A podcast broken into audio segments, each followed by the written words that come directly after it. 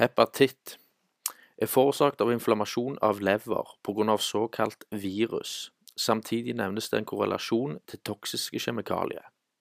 Det finnes fem typer hepatitt, A, B, C, D og E. Diagnostisering forekommer via antistofftest, som er en blodprøve, og ved positiv prøve vil analyseringa bli utført videre med en PCR-test for påvisning av kronisk infeksjon.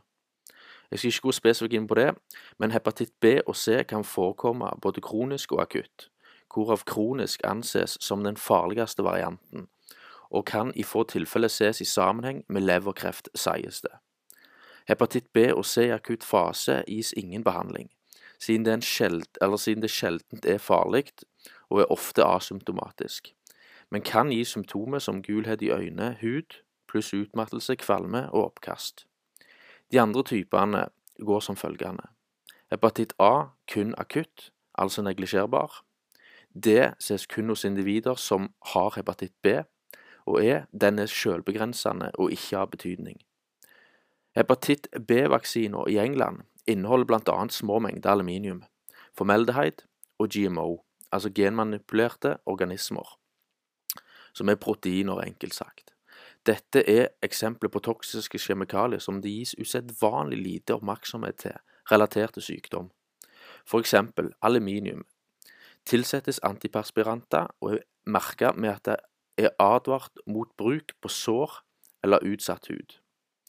Men i små doser injisert intramuskulært i forbindelse med vaksine, så anses det som akseptabelt. Altså, hvis, hvis vi tar et drøyt tall, ett gram aluminium hvis det inntas via maten, så vil bare 0,1 gram tas opp gjennom kroppen grunnet kroppens fysiske barrierer. Injisert via vaksine forbigås barrierene, og mer eller mindre 100% av virkestoffet tas opp.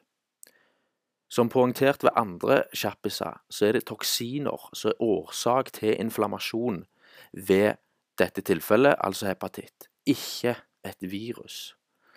Det er usedvanlig viktig å meddele denne sammenheng at viruset, som det sies er årsak til sykdommen, er ikke isolert per definisjon, for så å bli inokulert med en annen cellekultur, som så påviser at viruset forårsaker sykdommen.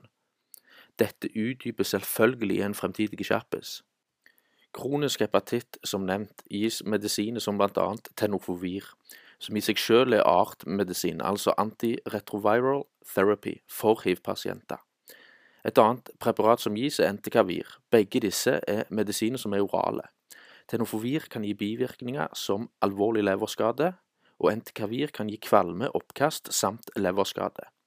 Sagt på en annen måte, bieffekten av medisinen er den samme som sykdommens symptomer.